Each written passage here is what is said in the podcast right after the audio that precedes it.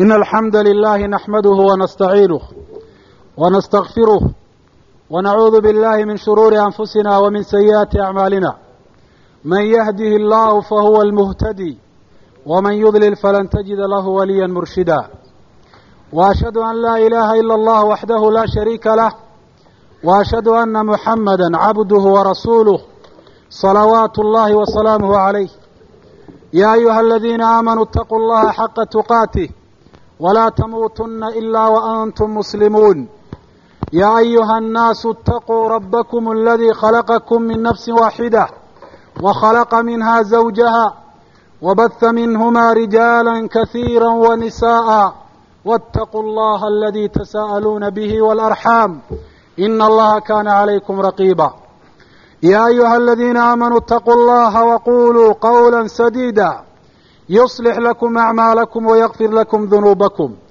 ومن يطع الله ورسوله فقد فاز فوزا عظيما أما بعد فإن خير الكلام كلام الله وخير الهدي هدي محمد صلى الله عليه وسلم وشر الأمور محدثاتها وكل محدثة بدعة وكل بدعة ضلالة وكل ضلaalة في الناar ثuma ama bعdu أyuha الإkhوة waxa caawa aynu isugu nimi inaynu wax iska nidhaahno mawduuca ku saabsan alixtifaal bilmawlad annabowi in xaflad loo dhigo oo ciid laga dhigto dhalashadii rasuulka calayhi salaatu wasalaam.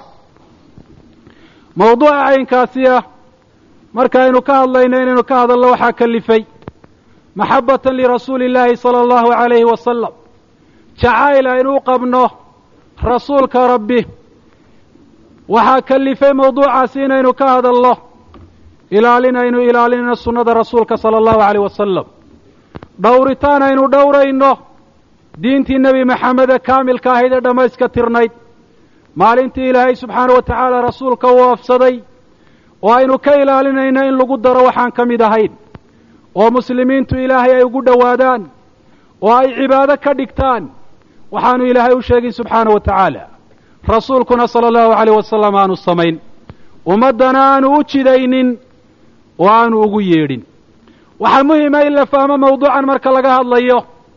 Muxuu yahay maxallu nisaacu waayo dadka ku dooda arrinkaasi aynu tilmaannay inuu sharci yahay. Hadyo jeeraale waxay isku dayaan amaba se ay xaawilaan. Dadka inay ka fogeeyaan maxallu nisaac nuqdadda ay dooddu ka taagan tahay. Waxay yidhahaan rasuulka ayaan la jeclayn. Salliga nebiga calayhi salaatu wasalaam ayaa la diidayaa waxaa laga yaabaa dadka arrintaasi ka hadlay inay takfiiriyaan.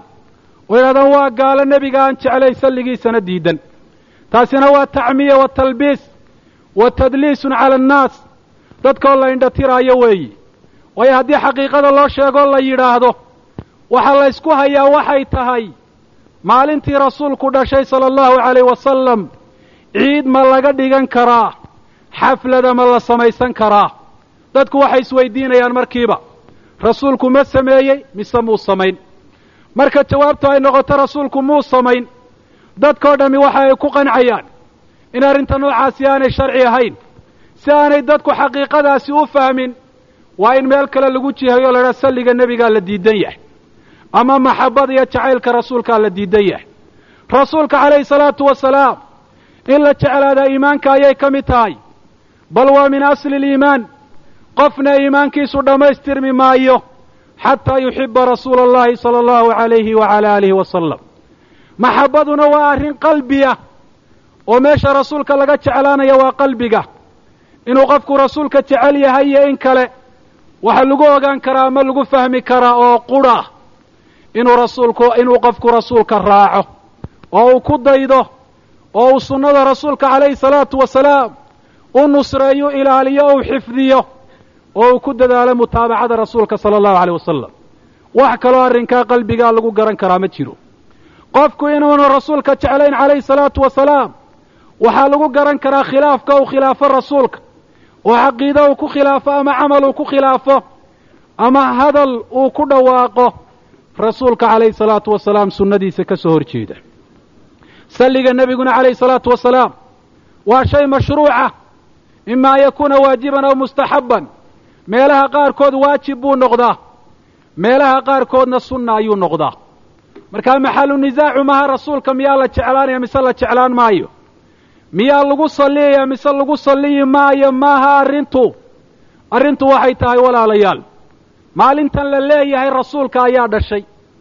Xaflad ma la samayn karaa ciid ma laga dhigan karaa. Hada huwa maxalu nisaac waxa la doonaya ha la akhriyo.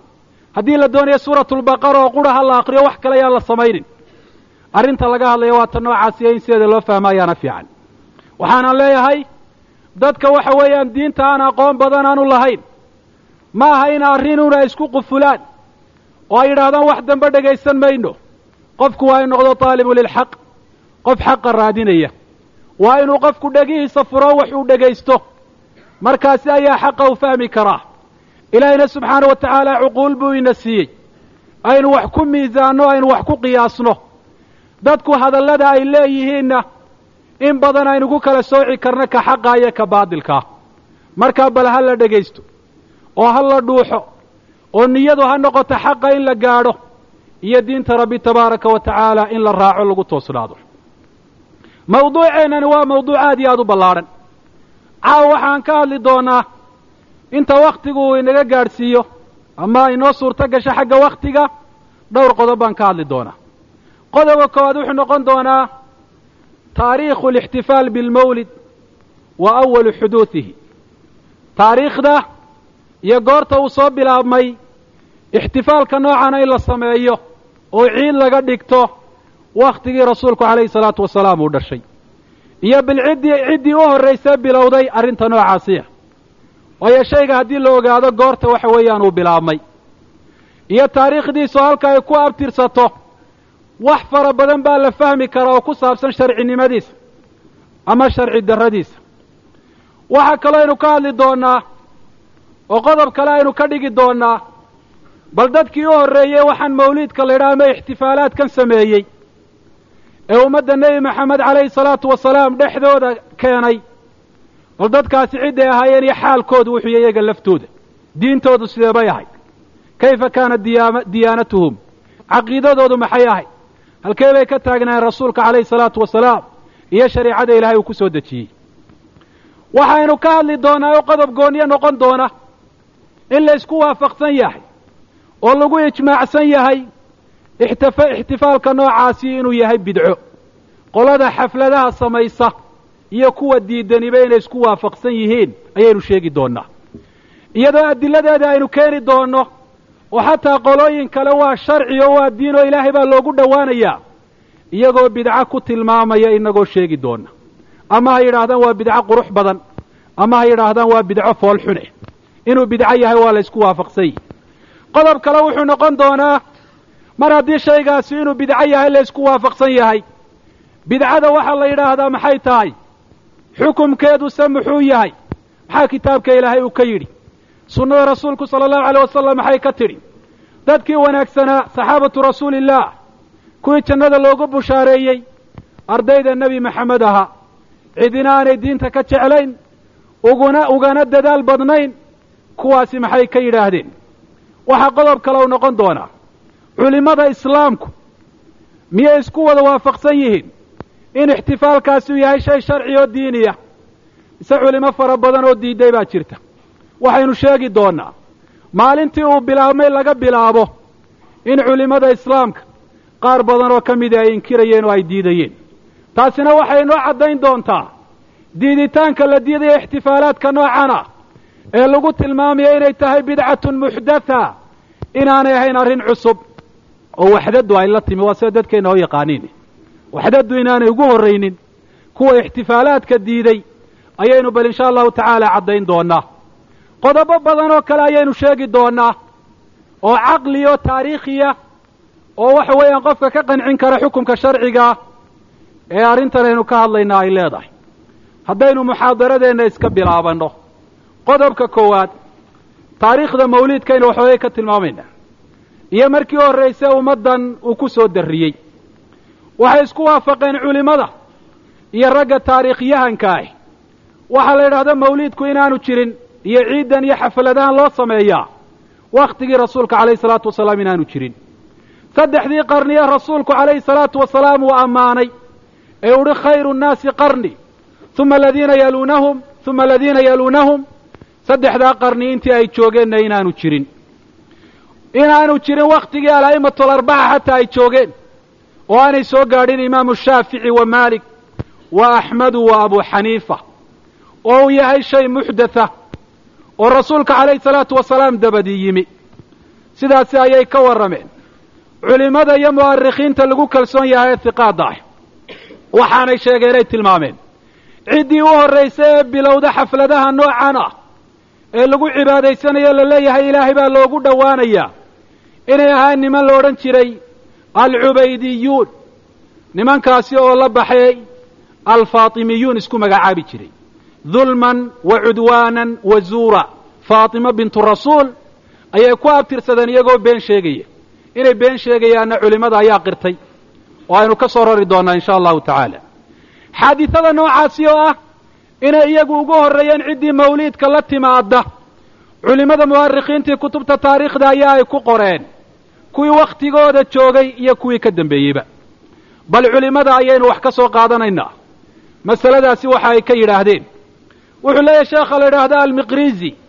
Kitaabkiisa la yidhaahdo almawaacid walictibaar bidikri alkhutati walaathaar taxta cinwaan dikru alayaam alati kana alkhulafaa alfaatimiyuun yatakiduunaha acyaada wamawaasima tattasicu biha axwaalu raciya wa takhuru nicamuhum. Waxaan sheegaya buhi baabkan aan ku sheegayaa maalmihii khulafadii faatimiyiintu alcabiidiyuun ay ka dhigan jireen ciid iyo wakhtiyo dadka ay wax fara badan siiyaan oo nicam fara badan ay u furaan. Markaasaa wuxuu leeyahay lilkhulafaa'i alfaatimiyiina fii tuuli sana acyaadun wa mawaasim. Khulafadaasi ama nimankaasi waxay lahaayeen sanadka oo dhan ciide ayay lahaayeen iyo wakhtiyo xaflada ay samaystaan. Dabeeta maalmahaasi ayaa uu tirinaya. Waxaa ka mid ahaa buu leeyahay wa mawlidu nnabiyi sala allahu calayh wasalam maalmaha xaflad iyo ciid nimankaasi ay ka dhigteen. Waxaa isaguna masalada noocaasiya ka hadlay. Sheekha la yidhahdo qalashqandi. Wuxuu leeyahay kitaab taariikh oo la yidhahdo subxulacsha wuxuu ka warramayaa nimankaasi khulafada faatimiyiinta la baxay ee cubaydiyiinta ahaa inay lahaayeen maalmo ay xaflada samaystaan oo dadka ay u soo fadhiistaan oo ay la kulmaan. Markaasaa wuxuu leeyahay aljuluusu thalith juluusuhu fii mawlidi الnabiyi fi الthaani cashar min shahri rabiici اlawal fadhigiisa saddexaad ee ciidda u ahaa wuxuu ahaa maalintii rasuulku uu dhashay waa sida ay yidhaahdeen oo ah labiyo tobanka rabiiculawal sheekha moxamed almuطiici la yidhaahda wuxuu ahaa mufti diyaari lmasriya buu ahaa muftigii waddanka masr malaha dadka qaarkoodun baa moodaya diidmada la diiday ixtifaalaadkan iyo bidacan inay ka timun xagga sacuudiga iyo culimmada waxa weeyaan wahaabiyada ay ku tilmaamaan. Waxa uu leeyahay sheekhaasi kitaab la yidhahdo axsan axsanu lkalaam kitaabkiisaa wuxuu ku leeyahay mima uxdita wa kahura su'aalu canhu almawaalid. Waxyaabaha la soo cusboonaysiiyo su'aasha layga weydiiye ay fara badatay waxaa ka mid a mawlidada la dhigay ka rasuulka iyo kuwo kaleba. Fanaqulu ina awala man axdathaha bilqaahira alkhulafaaء alfaatimiyuun waxa uu leeyahy waxaan leenahay ciddii u horraysay ee mawaalidda ixtifaalkooda la timi. Waxaan khulafadii la baxday faatimiyuun inay yihiin. Waxa u horreeya buu leeyahy almucizu lidiin illahi ka la odhan jiray. Lix mawliid bay ikhtiraaceen buu leeyahy oo iyagu ay hla abuurteen oo ay dhigaan oo mawliidka nebigu calayhi salaatu wasalaam uu horreeyey waxau leeyahay mawlidada noocaasi sida ay u dhigeen bay ku socdeen. Dabeetana waxaa ilqaa ku sameeyey oo tuuray oo baabi'iyey nin la odhan jiray alafdal ibnu amiiri aljuyuush. Ilaa dadku ay kuba dhowaadeen inay ilaabaanba oo meesha ay ka baxdaba. Ninkii la odhan jiray alxaakimu biamri illaah oo cubaydiyiintaasi ka mid ahaa ayaa haddana mawlidada noocaasiya soo celiyey. Waxaa sidaas oo kale isaguna tilmaamaya inay cubaydiyiintu ahaayeen ciddii u horraysay mawliidkan la soo darrisay. Ee waxa weeyaan ibtidaacday sheekha la yidhaahdo cali maxfuud wuxuu dhintay kun iyo sagaal boqol iyo labiyo afartankii waa azhari weeye kaana azhariyan. Hay'atu kibaar alculamaa ayaa ugu jiray waddanka masar la yidhaahdo. Wuxuu leeyahay awalu man axdathaha bilqaahira alkhulafaaء alfaatimiyuun fi lqarni araabic qarnigii afraad. Markii rasuulka calayhi salaatu wasalaam afar qarni ay ka soo wareegeen afar boqol oo sannadood waa diin timi buu leeyahy oo qoladaasi ay la yimaadeen. Fabtada faibtadacuu sittata mawaalid oo u horreeya almawlid annabowi waxa uu leeyahy markaa istamara alcamalu bilmawaalid ilaa yowmina hada wa tawasaca annaasu fiiha waibtadacuu bikuli ma tahwaahu anfusuhum wa tuuxiihi ilayhi shayaaiinu alinsi waaljin alibdaac fii madaari alibtidaac safxada laba boqol konton iyo kow. Culimo badan oo kale ayaa sheegtay sanduubi baa ka mid a fii taarikhi alixtifaal bilmawlid kitaabka uu ka qoray. Waxaa sidaas oo kale ka mid ah sacad saadiq sheekha la idhaha kitaab qoray siraac bayna alxaqi waalbatil la yidhaahdo waxaa ka mid ah sheekha la idhaha maxamed ibnu sacad ibnu qushayr maxamed ibnu ibraahim al shaykh alcalaamatu ibnu baaz a'immada hiqaadii dhammaantood waxay isku raaceen nimankaasi faatimiyiinta la yidhaahdaa inay ahaayeen kuwii mawliidka ixtifaalka u sameeyey faatimiyiintu talow maxay ahayen ma dad wanaagsan oo lagu dayan karaabay ahaayeen mise dad laga argagaxayo waxa ay sameeyeen in laga firdhado ay tahay bay ahaayeen faatimiyiinta nimanka la yidhaahdo mawliidka bilaabay. Bal waxa aynu in yar ka tilmaamaynaa wuxuu ka yidhi alcallaama alxaafid ibnu kathiir ashaafici kitaabkiisa la yidhahdo albidaaya waannihaaya wuxuu tilmaamayaa taariikhdu markay ahayd afar boqol iyo laba alhijri. Inay qoreen alculamaa waalqudaatu waalashraaf waalcuduul waalsaalixuuna alfuqahaa waalmuxadithuun inay qoreen bayaan bay soo saareen. Waa culimadii baqdaad iyo ciraaq. Waa culimadii xarameynka maka waalmadiina bayaankaasi oo ay ku sheegayaan nimanka faatimiyiinta la yidhahdo nasabkoodu inuu yahay mid khaldan. Oo abtirsiinta ay rasuula ku abtirsanayaan inay been tahay. Addooma ay ahaayeen. Cidda ay ka soo jeedaana inuu ahaa ninka la odhan jiray cubayd ibnu sacad aljurmi. Cali bin abi aalib radia allahu canh iyo faatimatoona nasabkooda inaanay asal aanay ku lahayn. Waxyaabaha culimmadaasi ay ka yidhaahdeen waxaa ka mid ah wa ana hada alxaakim waa kaa mawliidka jadiidiyey bimisra wa salafahu kufaarun fusaaqun fujaarun mulxiduuna zanaadiqa mucadiluuna lilislaami jaaxiduun walimadhabi almajuusiyati waalhanawiyati muctaqiduun qad caطaluu alxuduuda waabaaxuu alfuruud waaxaluu alkhamra wasafaku اddimaa wasabu alanbiyaءa walacanuu الsalaf waاdacwu اrububiya waa culimadii waktigoodii waxa weeyaan joogtay bayaankaasay soo saareen ibnu kathiir waa imaam shaaficiya weeye taloma waa beenaalaa la odhan doonaa. Waxa uu leeyihi xaakim biamri illahi oo kaa mawliidka jadiidiya iyo kuwii ka horreeyeyba waxay culimadu dhahan waa gaalo fusaaqa fujaara mulxiduuna zanaadiqaa gaalnimo qarsanaya islaamna sheeganaya sharaa'icdii islaamka cadilay oo inkiray oo iska diiday madhabkii majuusiyada iyo thanawiyada noolaynaya. Sidaasoo kale baneeyey alfuruuj sinada ibaaxeeyey khamriga baneeyey dhiigga daadiyey ambiyada caayey salafkii nacdalo saxaabada ay horreeyaan. Rabbinimo sheegtay. Qaadiga la odhan jiray albaaqilaani oo ashcari ahaa alqaadi albaaqilaani kaana ashcariya bal waxa uu ka leeyahay eeg nimankaa faatimiyiinta wuxuu qoray kitaab la idhaahdo kashfu lasraari wa hadku lastaar nimankaa laftoodu ka qoray. Oo fadaa'ixdooda iyo qabaa'ixdooda ku bayaamiyey. Waxa uu yihi sheekhaasi raxmat ullahi caleyh cibaaraadkiisa ka mid a hum qowmun yudhiruuna rafd waa qoom muujistay shiicanimo inay shiico yihiin bay dadka u muujisteen. Wa yubtinuuna alkufra almaxd waxaanay qarsanayaanoo laaba ay ku haystaan oo mararka qaarkoodna ka muuqda. Gaalnimo iska cad. Albidaaya wanihaaya juska koobeed tobnaad baleeg. Safxada afar boqol iyo labiyo konton ilaa afar boqol iyo saddexiyo konton. Almucizu lidiin illahi alfaatimi oo ah kii u horreeyey khulafada mawliidka ibtidaacday bal taariikhdiisaynu wax yar iska odhanayna asalkoodu maqrib bay dawladdoodu ka aasaasantay ninkii u horreeye dawladdooda masar soo gaadhsiiyey isaga ayuu ahaa. Ninkaasi maalintii masar uu soo galay dadka khudbad buu u jeediyey. Uu sheeganayo inuu u gargaarayo dadka la dulmiyey isagoo ku faanaya nasab been oo aanu lahayn. Waxaa ka mid ah hadalladiisa wa ana allaha qad raxima alummata bihim ilaahay baa ummadda annaga noogu naxariistay buuhi faraj baanu nahay. Ilaahay ummadda uu furay. Waxa uu leeyahay ibnu kathiir wa huwa maca dalika mutalabisun birafdi daahiran wa baatinan isagoo rafdi iyo shiicanimo fogaatay weliba ay qalbigana ugu jirto oo ay kana muuqanayso ayuu sidaasi sheeganaya. Sida uu yidhi alqaadi albaaqilaani raxmat ullaahi calayh. Ninkaasi markii halkaasi uu soo galay wuxuu u yeedhay sheekh zaahid ahaa oo caabid ahaa oo waric ahaa oo cibaado badnaa oo taqi ahaa siduu ibnu kathiir leeyihi abubakrin naabul naabulisi baa la odhan jiray.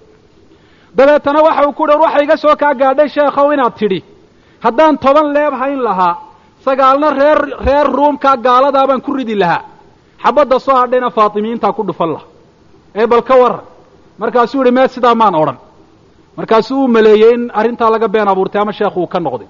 Oo haddaa maxaad tidhi? bu idhi waxaan idhi buhi haddaan toban leeb hayn lahaa sagaal faatimiyiintaa ku dhufan lahaa.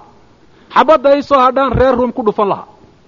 Markaasaa waxa uu leeyahay oo maxaa kugu qaaday arrinka noocaasee kuu kalifay wuxuu leeyay liannakum hayartum diina alumma wa qataltum asaalixiin wa adfa'tum nuura alilaahiya waayo diintii ilaahay baad beddesheen saalixiintii baad laysteen nuurkii ilaahaygaa baktiisteen waddacaytum maa laysa lakum. Waxaad sheegateen waxaydaan lahayn. Dabeete muxuu sameeyey? Wuxuu uhi sheekhan maalintii koowaad suuqa ha la wareejiyo iyadoo arrintaa fadeexad iyo ceeb looga dhigayo. Maalintii labaadna jeedal bararyaha lala dhaca buu yidhi maalintii saddexaadna wuxuu idhi isagoo nool haragga ha laga saaro sida riyaha. Dabeetana nin yahuudiya baa loogu yeedhay buu ley ibnu kasiir raxmat ullaahi calayh. Oo la yidhi haragga ka saar ile wax muslim samayn kara maaha waxaasi. Yahuudigiibaa wuxuu leeyahy haraggaan ka saaraya isagoo qur'aanka akrinaya markaasaa aan u damqaday buu leeya naxariis baa ay gashay waa yahuudigii.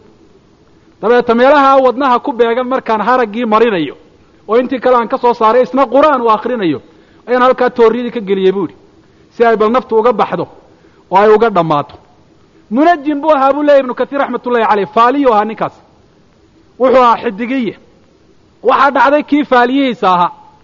Inuu ku yidhi ina calayka qaطcan ay khawfan sanadka waa laguu baqanayaaye. Ee bal si isdha buu yidhi. Oo bal intaa dhulka hoostiisa isku qari dhulka hoostiisu guri ka samaysta halkaasuu dabeetana intuu isugu yeedhay umaradiisiibu inankiisiina u yeedhay. Suu yihi ninkaasaan arrinka ku ogahaye ka amar qaata intaan idinka maqanay. Halkiibuu galo sanad uu ku maqnaa oo uu ku jiray. Kuwii ciidankiisa ahaa ee uu dullaystay ee uu quudhsaday waxay moodayeen xaakimkii ila ilaahnimu u sheegan jiray inuu xagga samada u duulay oo uu ka sarreeyo.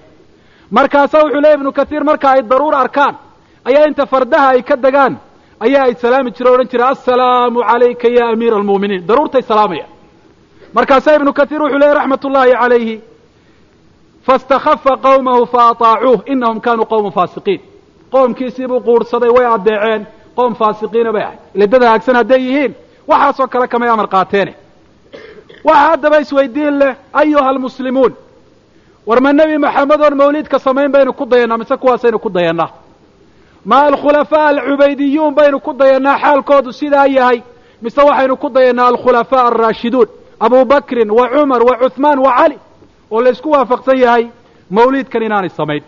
Ninka kale mawlidkan soo nooleeya nimankaasi ka mid ahaa markii la baabiiyey alxaakim biamri illaahi la baxay.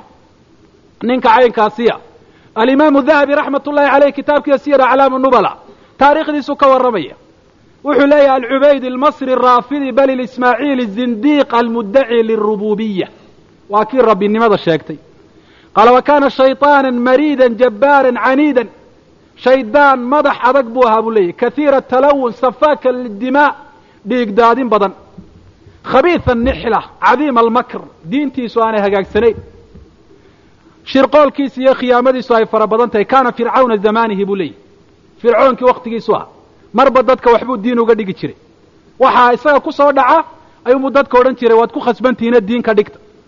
Wuxuu leeyahay amara bisabi saxaaba wa bikitaabati dalika cala alabwaabi calى abwaabi almasaajidi waashawaaric saxaabada in la caayo buu dadkao dhan amray ninka saxaabada caayi waayaa wayxaw waa la ciqaabaya waxaanu idhi saxaabada caydooda ha lagu dhajiya albaabada masaajidda oo saxaabada caydooda shaaricyada iyo waddooyinka o dhan ha lagu dhajiyo waxa uu leeyahay wa amara cumaalahu bisab wuxuu amray dadkii shaqaalihiisa ahaay oo dhan inay saxaabada caayaan wa biqatli lkilaab ay ay o dhan hala dilo yidhi meeshaad ay ku aragtaan waajib weeye ayda in la laaya fii sanati hamsin wa tisciina wa halaathu mi'a waxyaaba xataa mubaaxu dadka ka xaaraantimeeyo wuxuu yidhi shaciirta bahasha la sharaab lagama samaysan karo muluukhiyaduna waa raashinay masaaridu aada u cunaan waa xaaraan.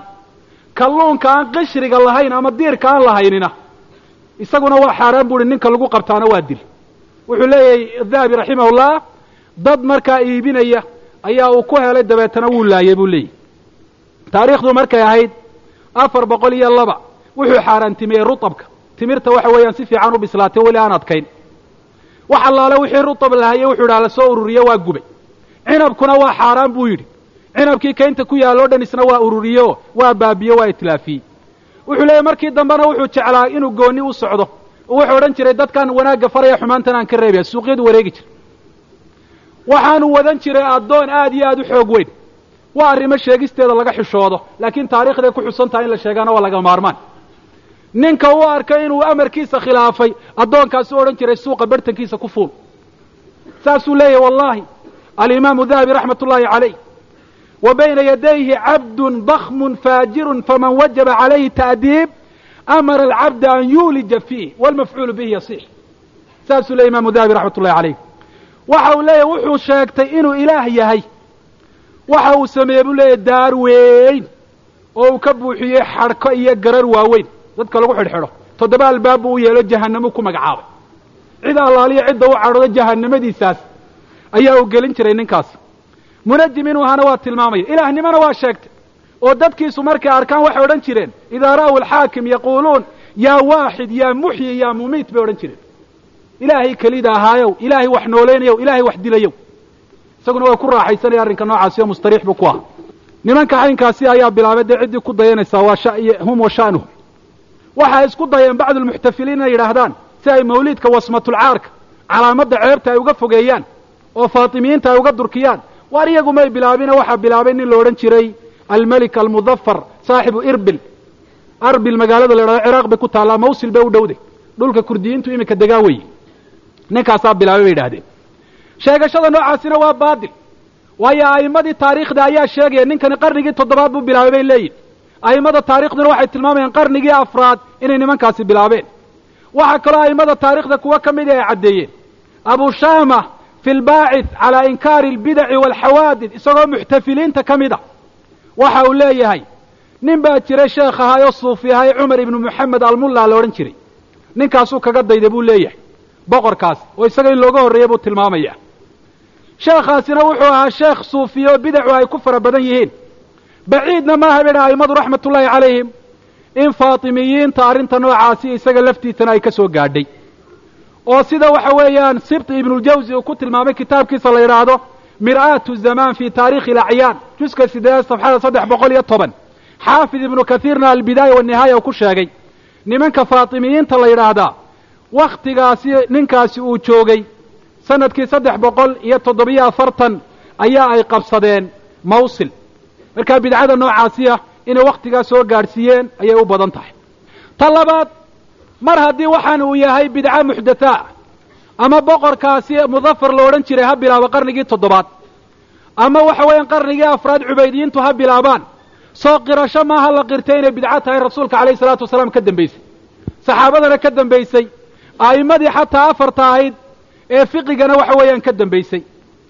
Ninkan laftiisu khayr badan ma aanu lahayn sidaa a'immadii taariikhdee la caasirtay ay tilmaameen oo faatimiyiintu haddii shar ay lahayd oo istirahaan sharkooda mawlidka kala baxsada isaguba shar buu lahaa oo waxa uu leeyahay yaaquut alxamawi kitaabkiisa la dhaha mucjam lbuldaan isku casri bay ahaayeen طibaacu hada alamiiri mukhtalifatun mutadaada dabeecadiisu waa kala duwan yihin oo waa iska soo hor jeedaan buu leeyahy marba wax buu sameeya fainahu katiiru الظulmi casuufun bالraciya raagibun fi akhdi اlamwaal waa nin dulmiyo dadka uu taliyo xoolaha dadka xaqdarra inuu ku qaato jecla. Wa huwa maca dalika mutafadilun cala alquraa kahiiru sadaqaati cala algurabaa yusayiru alamwaala aljama alwaafira yastafiku biha alasaara min aydi alkufaar khayrarna waa lahaa waxaa ka mid aha ragga quraada ayuu xoolo siin jiray sadaqad badan buu bixin jiray dadka la qafaashay buu soo furan jiray.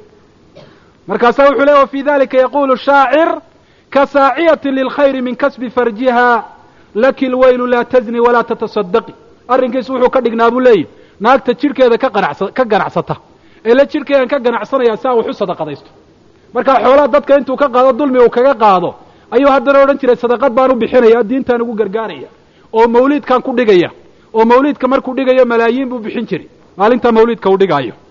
Bidcada markaa xataa hadduu hagaagsanaan laha cidna lagama aqbalo. Waxaana arrintani ay noo sii caddaynaysaa inoo bayaaminaysaa inay arrintani tahay bidco iyo muxdatho ka dambaysay rasuulka calayhi salaatu wasalaam iyo wakhtigii diintu ay dhammaystirantay ee ziyaadahaba yaraatay aanay aqbalahayn oo kuwa le ixtifaalkaanu samaynaynaa waa sharci. ugu yara waxay nala qirsan yihiin qarnigii toddobaad in la bilaabay. innagaaba le uu ka horreeyo qarnigii afraad baa la bilaabay. qarnigii toddobaad bay diinta ay soo degtay bay leeyihiin oo ay bilaabantay. markaynu intaa kaga baxno intaa yaro taariikhdee caddaynaysa dadkii mawliidkan la yimi bal xaalkoodu wuxuu ahaa waxaynu leenahay qodobka labaad waxay isku waafaqeen culimmada leh. Ixtifaal baa loo samaynaya mawlidkiiyo kuwa diidaniba. Inuu bidco yahay. Sidaa awgeed baa wuxuu leeyahy cali maxfuud oo culamaa ulazhar ka mid ahaa walaa nizaaca fi annaha min albidac inama anizaacu fii xusniha wa qubxiha inay bidco tahay layskumaba haysta buu leeyay waa la ysku waafaqsan yahy laakiin ma wanaagsan tahay mise ma wanaagsan unbuu khilaafu ka taagan yahy kuwa ixtifaalka sameeya amase ogolaaday xaafid ibnu xajar baa ka mid ah. Bal wuxuu leeyahy dhegayso. Wuxuu leeyahy aslu camali lmawlid waa bidca mawlidka in la sameeyo asalkiisu waa bidco. Lam yunqal can axadin min asalafi asaalix min alquruuni athalaatha axad lagama soo rarin. Ka mida dadkii hore wanaagsanaa saddexdii qarnii rasuulku ammaanay. Suyuuti baa kaga soo raraya kitaabkiisa xusnulmaqsad la yidhaah.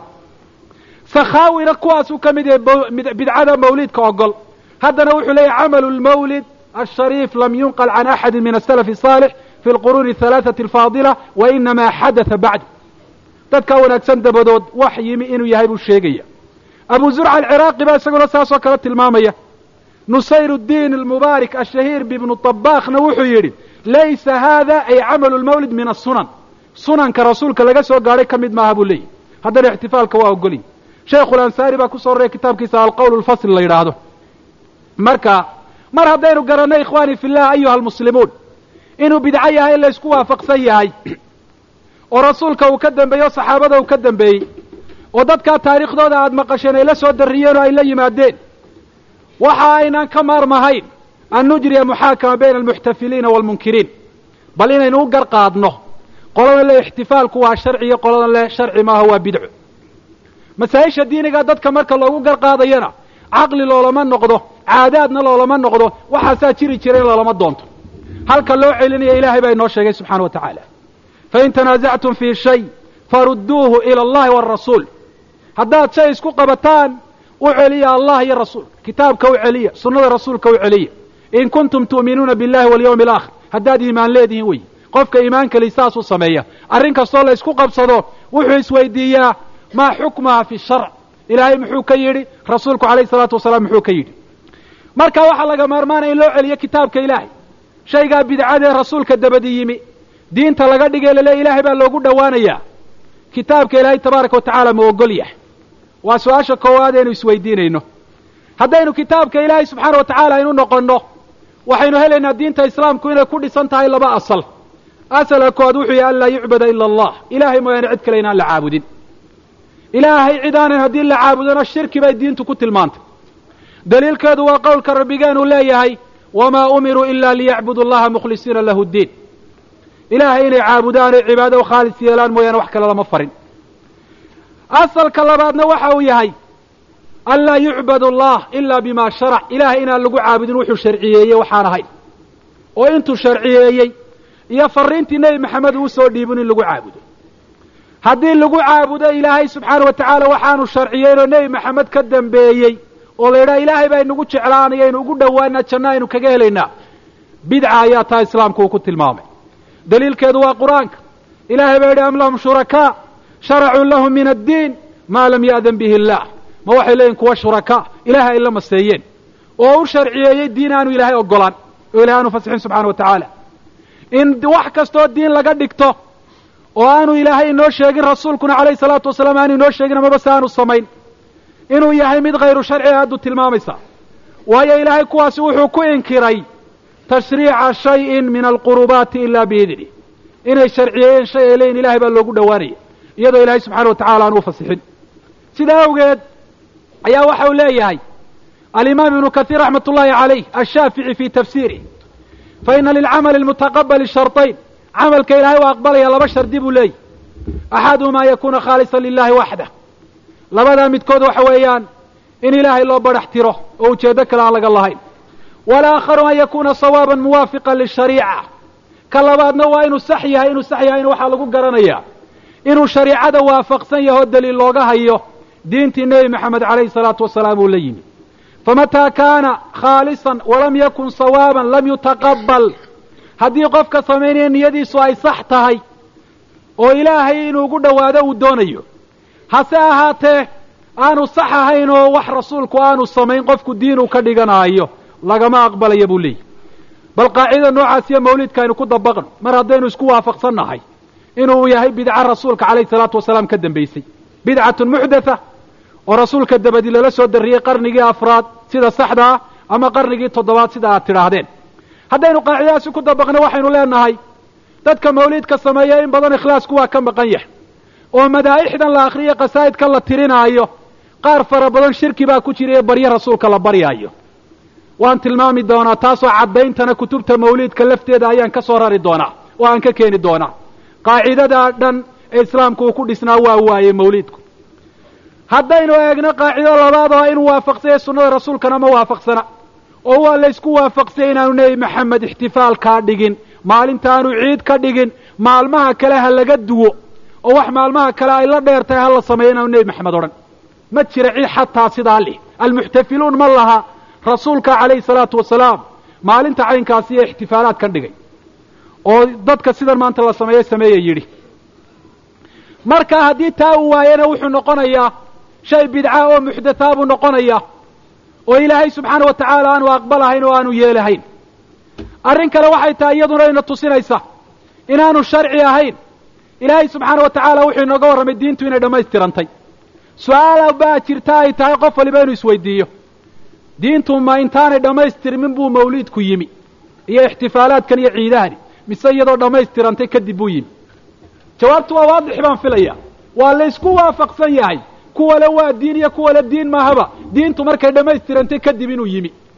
Ana hadihi alixtifaalaat walacyaad xadatat bacda kamaali iddiin diintoo dhammaystirantay in wax lagu kordhiyo miyay u baahan tahay.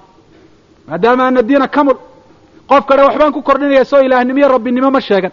Inuu isagu wax sharciyayn karo. Khatiir jahligiisoo loogu cudur daaro mooyaane khatar ayaa uu ku sugan yihi sidaa awgeed baa ilaahay subxaana wa tacaala wuxuu yidhi alyawma akmaltu lakum diinakum wa atmamtu calaykum nicmatii waraditu lakum alislaama diina. Maantaan diinta idin dhammaystiray nicmadaydiina dushiinaan ku tamimay islaamkaasi nebi maxamed loo soo dhiibay baanan diin ahaan idinka raali noqday. Waa islaamkaa dhammayska tirnaa aayadda macnaheedu wuxuu yahy diintu waa dhammaystiranta ziyaado uma baahna wax kastoo maalintaa ay dhammaystirantay dabadeed yimaadoo diin lagu sheegayaana waa baatil marduud oo qofka la yimi aan laga aqbalahayn ixtifaalkan ayaana ka mida sida laysku waafaqsan yahay. Waxa aayaddu marka ay tusinaysaa shay kastoo la leeyahay waa cibaada ama ilaahay baa loogu dhowaanaya oo maalintaa diintu ay dhammaystirantay kadib yimi inuu yahay bidcatun muxdatha aan la aqbalahayn warba dhegaysa wuxuu ina leeyahay rasuulkeenu calayhi salaatu wasalaam.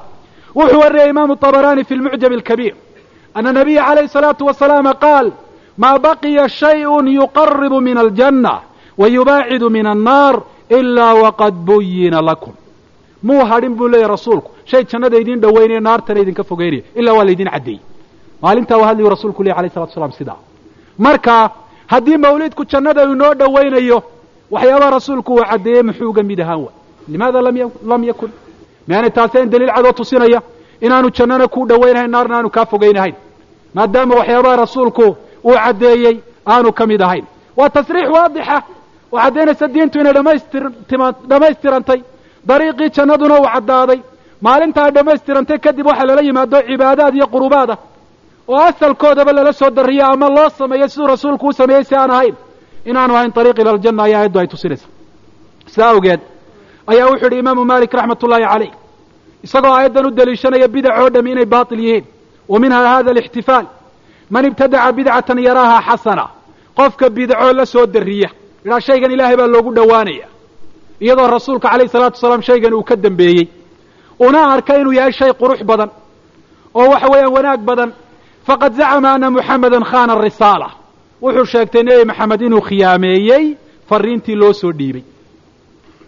Waayo ilaahay wuxuu yidhi alyawma akmaltu lakum diinakum wa atmamtu calaykum nicmatii waraditu lakum alislaama diina diin dhammaystiran baa nebi maxamed loo soo dhiibay ee waxaanaad ka soo daba tuurtay iyo dabadhahdani ma ilaahay baa la hadhay baad leedahay oo rasuulka aanu soo dhiibin mise waxaad leedahay rasuulka waa loo soo dhiibay isagaa inagala hadho ina khiyaameeyey mise waxaad leedahay rasuulku jaahil buu ahaayo aniga ayaa garanaya rasuulku ma aanu garanahayn saddexdaasi waxa weeyaan ka bixi mayso famaa lam yakun yowmaidin diinan falan yakuna alyawma falaa yakunu alyawma diina maalintaa ilaahay diinta dhammaystira wixii aan diin ahayni maanta diin noqon maayo khud hadihi alqaacida wacmal biha waxaa kaloo imaam maalik u uhi man axdatha fi hadihi alumma shay-an lam yakun calayhi salafuha qofka diintan ku soo dariya wax ummadda qaybtii hore aanay haysan aanay aaminsanayn aanay ku dhaqmi jirin aanay cibaado ka dhigan jirin faqad zacama ana rasuula allahi khana addiin lianna allaha yaquul alyawma akmaltu lakum diinakum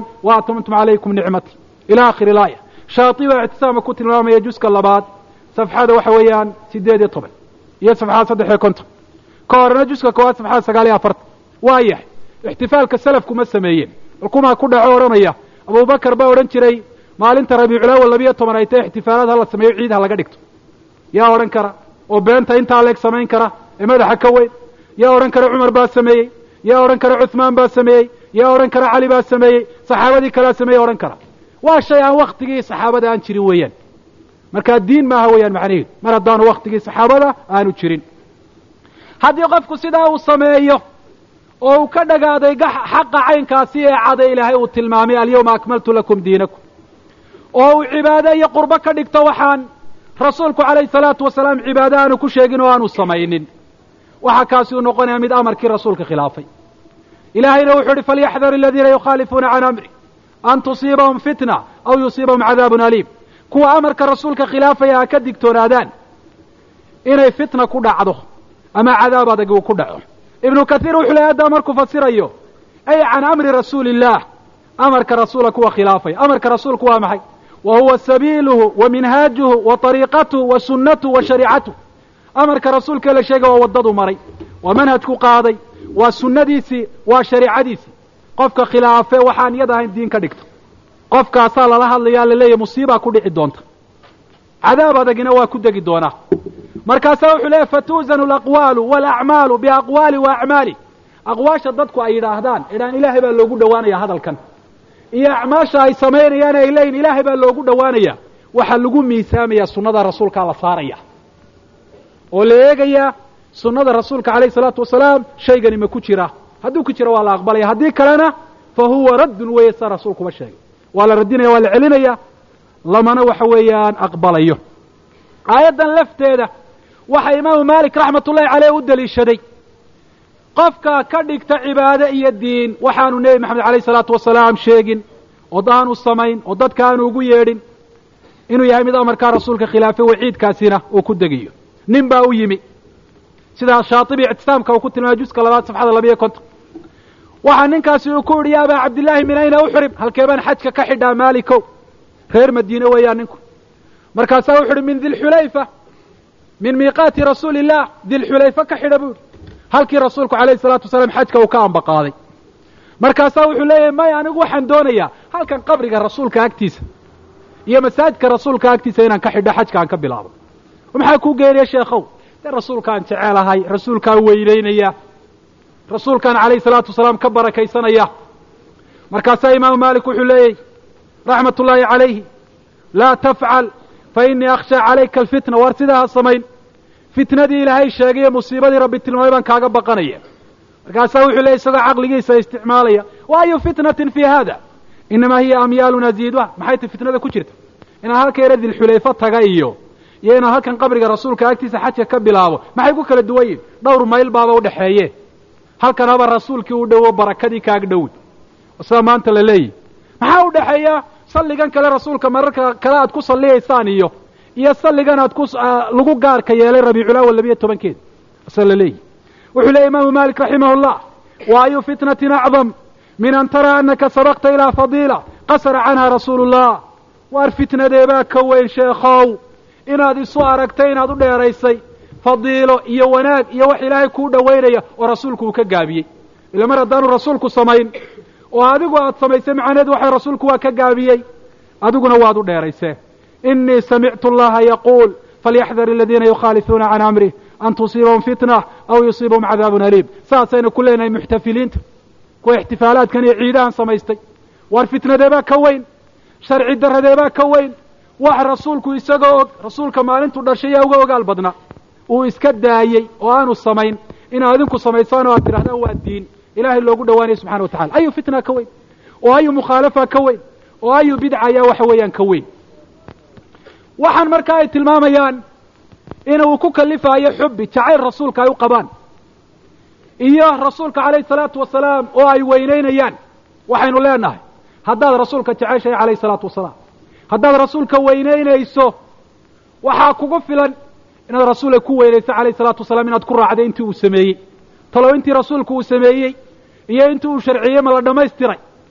Si loogu gudbo in kaloo rasuulku calayhi salaatu wasalaam oonu samaynin oonu soo hadal qaadinba. Wallahi waxaan ogahay in badan oo ixtifaal u ololaynaysa inaanay salaad ba aanay tukanba salaaddii rukunkii labaad ee min arkaan alislaam. Ilaahay kayrkiina waxa weeyaan ay baryaan.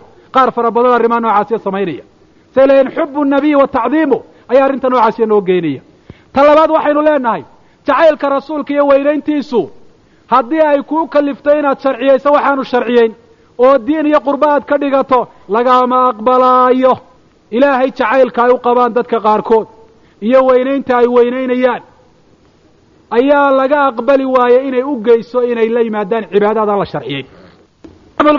Waxaa saxiixiisa uu ku warinaya min xadiidi anas ibnu malik wa kadalika muslim min xadiidi anas ibnu malik anahu jaءa halaaثatu rahtin ilaa buyuuti azwaaji الnabiyi salى اllah alay wasalam saddex nin ayaa waxay yimaadeen guryihii rasuulka iyagoo bal ka waraysanaya dumarkii rasuulka cibaadada nebigu alayh الsalatu wasalaam siday ahayd markii loogu warramay intii rasuulku uu samayn jiray kumay qancin kaanahum taqaalowha way yaraysteen oo waxay yidhahdeen intani rasuulka waa iskaga filan tahay dembigiisii horiyo kiisii dambeba waa la dhaafay laakiin innaga inaguma filla.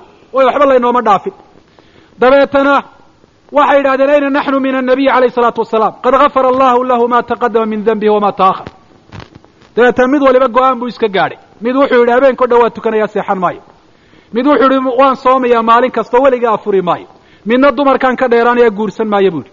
Maxaa u geenaya arrimaha noocaasiya? Jacayl ilaahay u qabaan iyo cibaado jacayl iyo khayr jacayl baa u geenaya laakiin ma laga yeelay laga yeeli maayo. Waayo waxa ilaahay loogu dhowaanayaa ee ilaahay tabaaraka wa tacaala lagu caabudaya waa in xadidan oo ilaahay uu sharciyeeyey maaha waxa qof kastaa ra'yigiisa iyo caqligiisa uu ka keeno. Rasuulku calayhi salaatu wasalaam markuu warkooda maqlay wuxuu yidhi amaa wallahi inii la akhshaakum lilah wa atqaakum lah. Qofka idinku alla ka cabsiga badani waa aniga buu yihi rasuulku. Laakinii asuumu wa uftir waan soomaya waan afuraya wa usalli wa arqud wa atazawaju nisa waan tukanaya waa seexanaya dumarkana waa guursanaya. Yani macnaha xadiidku waa maxay? Qofka ugu alla ka cabsiga badan waa nebi maxamed. Markaa nebi maxamed alayhi salaatu wasalaam alla ka cabsi adigu ma dheeraan kartid abadan. Wax kastoo aad samaysidba marka alla ka cabsiguna wuxuu noqonayaa ama aad ku heli kartaa un intii uu sameeyey inaad samayso. Haddaad istiraahdo dhaafi intii uu sameeyey alla ka cabsi taasi noqon mayso.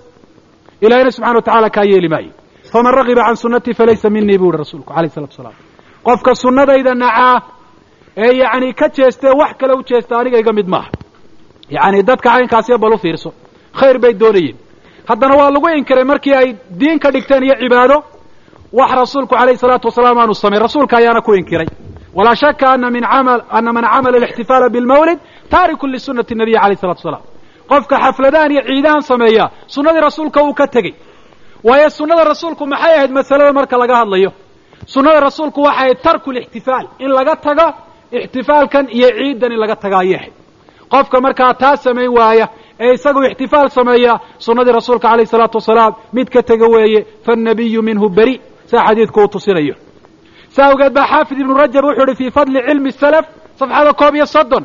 Fa amaa ma itafaqa asalafu calaa tarkih waxa ummadda qaybteedii hore ay isku waafaqaan in laga tago falaa yajuusu alcamalu bihi ma banaana in lagu dhaqmo liannahu ma tarakuu ila calaa cilmin annahu laa yucmalu bih waayo kamay tegin ilaa intay ogaadeen kadib mooyaane inaanu diinta ka mid ahayn aan lagu dhaqmahayn rasuulku wuxuu ixtifaalan ka tegey isagoo og inaanu diinta ka mid ahayn saxaabadu waxay ka tegeen iyagoo og inaanu diinta ka mid ahayn ummaddu waxa weeye lixdaa qarni sida aad leedihiin waxa shaygan ay ka tagtay iyadoo og inaanu diinta ka mid ahayn haddaynu sunnada nabigeena calayhi salaatu wasalaam u noqonno waxaynu helaynaa axaadiid fara badan oo rasuulku sala allahu alay wasalam uu kaga digaayo in ilaahay loogu dhowaado subxaana wa tacaala oo diin iyo cibaado laga dhigto waxaan rasuulka calayhi salaatu wasalaam laga soo gaadhin oo ka dambeeyey. Axaadiidu waa fara badan tahay. Laba xadiid baynu ka soo qaadanaynaa. Mid waa xadiidu alcirbaad ibnu saariya waa quratu cuyuuni ahli sunna xadiidkaasi waxaa rasuulku calayhi salaatu wasalaam uu yidhi fii hada alxadiid fa inahu man yacish minkum fasayara ikhtilaafan kaiira warka idinka mida sii noolada iskhilaaf fara badan bu arki diintaa la isku khilaafa waad aragtaa maanta. Way kuu muuqataa. Isweydii maxaa lagaga baxaya wixii lagaga baxayey ee lagu badbaadiyey nebi maxamed baa kuu sheego wuxuu ku yidhi facalaykum bisunatii wa sunati alkhulafaa alraashidiina almahdiyiin. Cadduu calayha binnawaajid. Diin ka dhigo wixii diin ahaa waktigii nebi maxamed iyo waktigii khulafada. Gaws dambeedka ku qaniinoo taa ayaan lagaa fujinin. Si adag u qabsa weeye wa iyaakum wa muxdathaati alumuur arrimaha rasuulka dabadiime diin laga dhigayna iska ilaali ixdar minha wabtacid minha ka digtoonow oo ka fogow buu leeyahy rasuulku alayh isalaatu wasalaam waayo fa ina kula muxdathatin bidca shay kasta oo diina oo rasuulka dabadi yimi waa bidco wa kullu bidcatin dalaala bidco kastaana waa baadiyow dariiqii xaqaha iyo sunnadii baa laga lumay qofka waddadaasi baadiyowga raacana halkay kula dhammaanaysaa wa kullu dalaalatin fi nnaar. Saasuu yihi rasuulku alayh isalaatu wasalaam. Waxaynu ognahay bal xadiidka u fiirso waxaa lagu sheegay sunna iyo bidca. Wax diin ahaa waktigii nebi maxamed iyo waktigii khulafada iyo wax ka dambeeyo bidca loo yaqaan. Bal xadiidkaa ku miisaan mawliidka. Diin miyuu ahaa sheekho waktigii nebi maxamed iyo waktigii khulafada? Soo maya ma lihid oo layskuma waafaqsana idan sunnada maaha shaygu haddaanu sunno ahayn diintana inuu ka mid yahay la tilmaamayo xaggee buu gelaya wa iyaakum muxdathaati lumuur taa laga digaye bidcada ee dalaalada ee ayuu gelayaa shakilaan. Meel saddexaad ma jirto.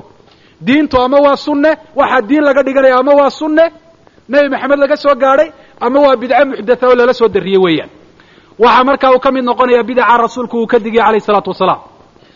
Waxaa kaloo xadiidkaa la mid a xadiidu caaisha alladii rawahu shaykhaan oo rasuulku le man axdatha fii amrina hada maa laysa minhu fahuwa rad qofka ku soo dara diintayadan fii amrina ay fii diinina wa shircatina wa sunnatina maa laysa minhu waxaan ka mid ahayn oo waktigii diintu ay dhammaystirantay aan ka mid ahayna ka dambeeyey fahuwa rad marduudun caleyh laga aqbali mayo adduunyada in lagaga aqbala mayo waa in lagu radiyo maxaa looga aaminsan yahay bidaca iyo muxdathaadka ummadda waa in loo sheego loo bayaamiyo loo caddeeyo waa marduuda cidda la timi aan laga aqbalahayn ilahayna ka aqbali maayo subxaana wa tacaala waxaa riwaayadda muslimna ku taalla man camila camala laysa caleyh amruna fahuwa rad bidcada haddana adigu la iman oo qolooyinkaaga horreeya ay la yimaadaan laakiin aad ku dhaqantayna iyaduna waa marduud buu ku yihi nebi maxamed calayhi salaatu wasalaam xadiidka mantuuqiisu wuxuu tusinayaa calaa ana kula camalin laysa calayhi amru shaarici fa huwa marduud. Shay kasta oo amru shaaric aanu dul ahayn ama aanu daliil oga hayn uu marduud yahay. Ibnu rajab baa sidaa leh waanaynu ognahay inuu yahay shay muxdatha oo waxa waxaa la ysku haystaa un. Hal axdathahu alfaatimiyuun am axdathahu almalik mudafar hal xadatha fi lqarni araabic am xadatha fi lqarni asaabic inuu muxdath yahay la haysto. Idan muxdathku waa marduud. Nebi maxamed baa yidhi alayh isalaatu wasalaam. Sa awgeed baa xaafid ibnu xajar wuxuu leeyahy xadiidkan markuu sharaxayo wa hada alxadiidu macduudu min usuuli اlislaami wa qaacidat min qawaacidih faina man ikhtaraca fi ddiin usuushiiyo qawaacidda diintu xadiidkani ka mid yahay bidac oo dhan buu qoorta ka guraa jiradaa u bixiyaa qofka ikhtiraacoo hal abuurta oo diinta ku soo dara maa la yashhadu lahu aslun min usuulih ay daliilu min dalaa'ilih falaa yultafatu ilayhi lama daymoonayo lagamana aqbalaya buu leeyahy min jumlati marka almuxdathaat sida la ysku waafaqsan yahay mawliidkaasi ayaa ka mid a falaa yultafatu ilayh hadihi sunatu nabiy ikhwani fi llah oo caddaynaysa shay kastoo diin laga dhiganayo oo ka dambeeyey rasuulku alayh salaatu wasalaam inaanu sharci ahayn qofka la yimi inaan laga aqbalahayn dalaala uu yahay iyo munkar shariica. In laga digtoonaado in laga digaayo waajibta sunnada rasuulkuna dadka hadday u caddaato inay ka meermeeraan maaha oo ay waxa weeyaan daad xoorta iyo xumbada ay cuskadaan sida qofka qarqoome uu sameeyo.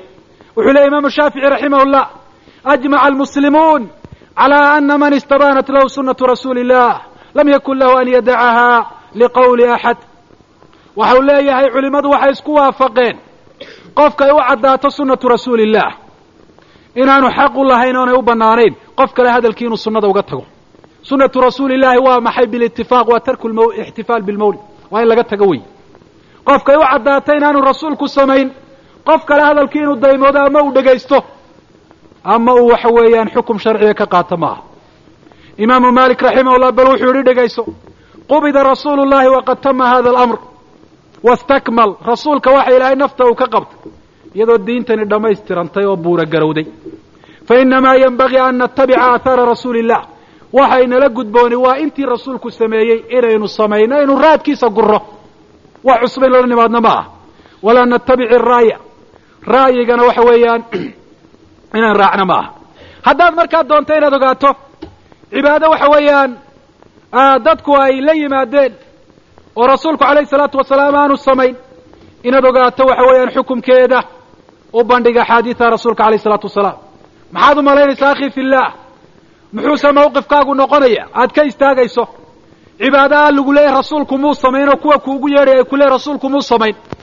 Oo saxaabadu may samayn. Oo ala'imatu larbaca may samayn. Oo rasuulku calayhi salatu wasalaam ummadda uguma yeedhin. Maxaad u malaynaysaa ma rasuulka calayhi salaatu wasalaam baad raaci doontaa oo iskaga tegey oad ku dayan mise kuwaasaad raaci doonta? Laka alikhtiyaar adiga ayaa doorashada leh. Wuxuu leeyahy cabdullaahi ibnu mascuud sida imaam muslim warinaya fa ina allaha sharaca linabiyikum sunana alhuda. Waddooyinkii hanuunka oo dhan ilaahay nebigiina waa u sharceeyey o wuu caddeeyey. Walow taraktum sunnata nabiyikum ladalaltum sunnada nebigiina haddaad ka tagtaanna waad lumaysaan buu leeyahy wa fii riwaaya lakafartum waad gaaloobaysaan wuxuu leeyay ibnulcarabi markuu fasiraayo waa min baab waxa weeyaan atashdiid wuu ku adkaynaya. Waana min baabi annadari ila alcawaaqibi waannataa'ij oo bidcadu dadka kufriya gaalnimo ayaa marka dambe ay gaadhsiisaa markaa sunnada nebigeenoo ah ixtifaalaadkan in layska daayo oo laga tago oon dheg loo dhigin oo maalintaa maalmaha kale waxba lagaga duwin yaynaan ka tegin yaynaan lumin ee sunnada rasuulka alayh salatu wasalaam aynu haysanno. Haddaynu eegno salafu hadihi alumma oo ah saxaabadii iyo taabiciintii iyo kuwii kale wanaagga ku raacay. Laga soo bilaabo waqtigii rasuulka alayh salaatu wasalaam. Ilaa aakhiri alqarni asaadis min alhijra waxaynu helaynaa ama aynu ogaanaynaa ixtifaalaadkan mawliidka loo sameeyaa inaanay wujuud iyo jiritaan ku lahayn noloshooda. Maalintaana inaanay ciid ka dhigan jirin. Habeenkaa inaanay waxba ku gaar yeeli jirin. Acmaal. Uu la dheer yahay waxa weeyaan habeenada kale. Wallahi hadduu khayr yahay camalka nawcani iyaga ayaa inooga dheeraan lahaa inooga dheerayn lahaa waayo shaki inagagama jiro inay khayrka inooga dheerayn jireen iyagu inay nagaga dadaal badnaayeen waxaanayna soo martay kuwa waxa weeyaan mawlidka ixtifaalka u samaynaya inay tasriixiyeen. In rasuulku calayhi salaatu wasalaam aanu samayn salafkana laga soo rarin. Ibnu xajar ee sakhaabiba waxay yidhahdeen lam yunqal can axadi min asalaf asaalix fi lquruuni halaathati alfaadila wa inama xadatha bacdu saxaabada rasuulka calayhi salaatu wasalaam haddaynu siirada dib ugu noqonana waxaynu helaynaa tusaalayaal ina tusinaaya ciidaha dadku ay la soo darriyaan iyo ixtifaalaadka dadku ay sameeyaan iyagoo maalin wax wanaagsani ay dhaceen arrintaasi u samaynaya inay saxaabada rasuulku calayhi salatu wasalaam inkiri jireen inay diidi jireen. Inay diidi jireen in diin laga dhigto oo ilaahay loogu cibaadaysto loogu dhowaado. Waxaan sunnada rasuulka calayhi salaatu wasalaam ku soo aroorin hal tusaale taariq ibnu shihaab wuxuu leeyihi qaalat alyahuudu licumar inakum taqra'uuna aayatan fi kitaabikum low calayna macshara alyahuudi nazalat latakhadna dalika alyawmi ciida cumar baa yahuudi u timiyo waxay yidhaahdeen waxaad akridaan aayad kitaabkiina ku jirto oo haddii annaga aynugu soo degto maalintay nagu soo degtay xaflad aanu samayn lahayn oo ciid aanu ka dhigan lahayn suu uhi waa aayadee waxa waa aayadda alyawma akmaltu lakum diinakum wa atmamtu calaykum nicmati maalintaa diinta la tamimee la dhammaystiray ciid baanu ka dhigan lahayn iyo xaflad ben haddaanu yuhuud nahay cumar muxuu ugu jawaabay cumar wuxuu uhi wallahi inii la aclam alyawma aladi nazalat calaa rasuuli illahi fiih والsاacة alati naزlat fiiha عalى rasuuli الlah naزlat عalى rasuuli الlahi cashiyaةa carafa fi ywmi jumcة rawahu bukhaari wa muslim maalintii ay soo degtay saacaddii ay soo degtay meeshii ay kusoo degtay waa garanayaa buuhi laakiin dee xaflad iyo ciidtoona ka dhigan mayno weeyaan macnaheedu walow maalin qiimadaha noqoto diintu ay dhammaystirantay. Waayo dee waa waxaanu ilaahay noo jidayn rasuulkuna calayhi salaatu wasalaam aanu noo sunnayayn noo sunnayn oo aanu noo sharciyeyn. Bal u fiirsa akhii fi illaah alsaxaabiyu ljaliil cabdullaahi ibnu mascuud radia allahu canh kuwii intay masaajid fadhiisteen oo qururux ay soo gurteen. Xalqad xalqad ay u fadhiisteen xalqad kasta miduu dul taagna. Oo laa halliluu mia kabbiruu mia sabixuu mia boqol jeer dhaha subxaana allah boqol jeer alxamdu lilah boqol jeer allahu akbar. Oo qururuxaana ku tiriya. Maxay samaynayeen dikri maa araaduu ila alkhayr. Isayaga laftoodu ay sheegeen. Khayruun bay doonayeen. Subxaana allah alxamdu lilah laa ilaha illa allah allahu akbar bay lahaayeen. Haddana cabdullaahi ibnu mascuud markuu dul yimi u ku yidhi war maxaad samaynaysaan?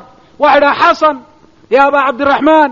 Xasan nacudu bihi tasbiixa waltahliila waltakbiir wax kale maaha waa qururux yar oanu ku tiran tasbiixda iyo tahliisha iyo takbiirta. Waxaanu isugu nimuun intaasumaan isugu nimi. Wuxuu yidhi ayuha alqowm cudduu sayi'aatikum fa inii daaminu lakum an laa yadiica shayun min xasanaatikum. Waar xumaantiina tiriya haddaad wax tirinaysaan si aad uga toobad keentaan anaa idin damaanad qaadaya? Xasanaadkiinu inaan idinka lumin. Yaa ummata muxamed ma asraca halakatakum. Ummaddii nebi maxamedee maxaa halaagiina ka deg deg badan? Haadihi haulaai asxaabu rasuuli illaahi baynakum wa haadihi hiyaabuhu lam tabla. Saxaabadii rasuulkaa idin dhex joogay iyagu saxaabo may ahayn. Dharkii rasuulku weli muu baaliyoobin. Wa haadihi aaniyatu lam tuksar. Weli weelkii muu jajabin rasuulku uu ka dhintay alayh isalaatu wasalaam. Wa fii bacdi riwaayaat wa haulaai azwaajuhu shuwaab. Waa kuwaa dumarkii rasuulku uu ka dhintay weli dhalinyaro ah oo weli aan gaboobin. Markaasaad haddana durba waxaan la timaadeen miyaa wallahi ima anakum ataytum bihadyin khayrin min hadyi muxamed aw anakum iftatixuu baaba dalaala. War ama waxaad la timaadeen waddo jannada loo maro tii nebi maxamed ka khayr badan? Ila nebi maxamed san muu samayn jirin. Ama albaabkii baadiyowga aad ka baxaysaan oo aada furateen? Sidaasaa lagu odhanayaa qof kasta oo cibaado rasuulku aanu samayn ba la yimaada ama tii rasuulku sameeyey qaab kaloo rasuulku aanu u samaynin u sameeye oo rasuulku subxaana allah alxamdu lilah laa ilaha wallahu akbar waa odhan jira lakiin saxaabada intuu soo ururiyo miyuu odhan jiray? Boqol jeer subxaana allah dhaha. Boqol jeer allahu akbar. Boqol jeer laa ilaha illa allah dhagaxan ku tiriya. Muu odhan jiray rasulku ala intaasuu ku haystaa cabdillahi ibnu mascuud. Waxaa cabdillahi ibnu mascuud hadalladiisa ka mida uu ku yidhi wallahi aladii laa ilaha hayru laqad ji'tum bibidcatin dalmaa aw laqad fudiltum asxaaba muxamedin cilma. Bidca mugdiya baad la timaadeen ama saxaabadii nebi maxamed baad ka cilmi badanti. Waa ilaa sideebaad diinta ugu soo darteen waxaan iyagu samayn jirin calaykum biariiq falzamuu war haddaad xaq doonaysaan waddadii laydin jeexay uun mara oo wax cusub iska ilaaliya ilaahay tabaaraka watacala inaad ku caabudaan riwaayadda ibnu wadaax fi lbidac waxaa ku timi falam yazal yaxsabuhum aw yaxsibuhum bilxasa xata akhrajahum min almasjid qururux buu la dhacaya buu leeyay cabdillahi ibnu mascuud ilaa masaajidka uu ka saaray oo bidcada noocaasiya hadalla waa ku inkiray ficil ahaana cabdillahi ibnu mascuud radia allahu canhu inkirista uu inkiraya diidmada uu diidaya waa ku muujiyey maxaad umalaynaysaa cabdillahi ibnu mascuud haddii uu soo gaadhi lahaa kuwa maanta ixtifaalaadkan samaynaya inta kuwaasi uu ku yidhi ma in ka yar buu ku odhan lahaa baad umalaynaysa intaasi in ka badan inuu ku yidhaahdo mooyaane in ka yar waxa weeyaan kuma yidhaahdeen waxaa cabdillaahi ibnu mascuud radia allahu canhu ka mid ah hadalladiisa mashhuurka ee waaqiceennana in la sheega aada ugu habboon hadalka ibnu nasr uu ku wariyay fi kitaabi sunna lah wuxuu idhi inakum alyawma cala alfitra. Dadkii buu la hadlaya war maanta fitradii diintii saliimka ahayd ee bidac iyo muxdathaadka ka marhnayd baad ku dul sugantihiin wa inakum satuxdithuun. Bidac baad la iman doontaa waayo rasuulaa ka warramay inay bidacu iman doonaan. Wa yuxdathu lakum qaar kalena oo bidacana dad kalea idiin keeni doona. Fa idaa ra'aytum muxdatha markaad aragtaan wax diinta lagu soo daray oo rasuulka aan ka mid ahayn fa calaykum bilhadyi alawal hadyigii iyo sunnadii hore haysta taasi xejisa saasaa lagu badbaadayahay masaladeenna aynu u bandhigno hadyiga hore muxuu ahaa ma huwa alhadyu alawal fi hadihi almas'ala? Ma alixtifaal ba? Mise waa tarkuhu? Waxay inoogu jawaabeen qolada waxa weeyaan ixtifaalka samaynaysaa waa tarku waa in laga tago. Idan waa muxdatha muxdathadana waxa lagaga badbaadaa hadyigii hore in la qabsado iyo sunnadii rasuulka calayhi salaatu wasalaam. Waxaan leenahay xaqiiqatan aahaartay qorani waa fara badan tahay laakiin waxaan ku soo khatimayaa hadalkaa aahaarta ku saabsan hadal uu leeyahay imaamu axmed raxmat ullaahi caleyh oo aad iyo aad u qiimo badan. Imaamu axmed wuxuu munaadaro la galay axmed ibn abi du'aad iyagoo ka doodaya fi masalati khalqi lqur'aan waxaa hadalladiisa ka mid ahaa imaamu axmed hadalka uu leeyahay isagoo ibnu abi du'aad la hadlaya akhbarnii akhbirnii can hada alamri aladi tadcu nnaasa ilay war sheekhow arrintan dadka aad ugu yeedhaysa bal iiga waran ashayun dacaa ilayhi rasuulu llah waa ma arrin rasuulku dadka ugu yeedhayba. Qaala la wuxu uhi mee rasuulku dadka uguma yeedhin oo rasuulku dada kuma odhan qur'aanku waa makhluuq dhah. Qaala fa shayun dacaa ilayhi abu bakrin bacda. Haddaama abubakar baa rasuulka dabadii ugu yeedhay. Wuxuu idhi maya. Wuxuu idhi ma cumar baa dadka ugu yeedhay? Rasuulkii abubakar dabadii markaasuu idhi maya. Haddaama cuhmaan baa dabadood ugu yeedhay. Wuxuu idhi maya. Oo haddaama cali baa ugu yeedhay dabadood.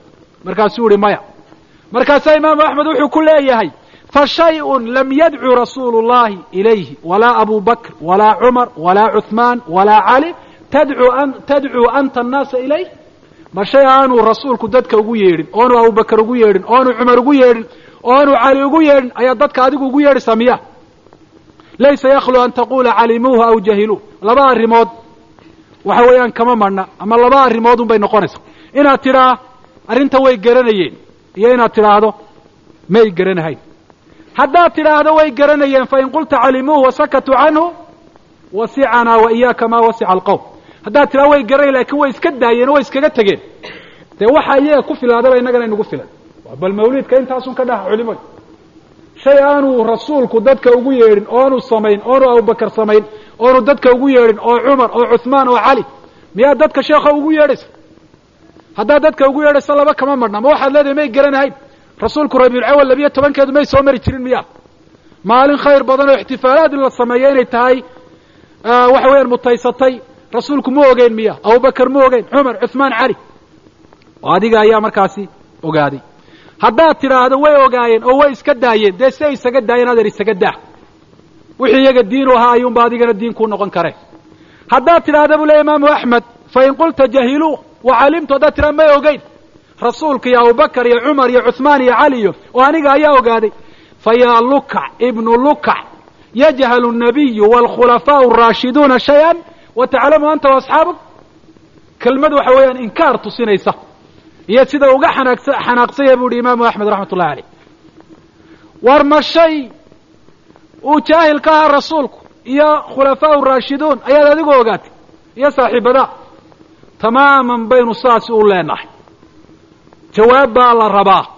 Miyay ogaayeen rasuulka iyo abubakar iyo cumar iyo cuhmaan iyo cali yowmu rabiici alawal inay mutaysatay in ciid laga dhigto oo ixtifaal la sameeyo. Haddii la idhaahdo way ogaayeen oo way iska daayeen. Iska daasay isaga daayeen. Haddii la idhahdo may ogeyn oo annaga ayaa ogaanay. Huna almusiiba. Adaa ka cilmi badan rasuulka iyo khulafada waxaad doonaysid samey marka. Shaqayskuma lihiin.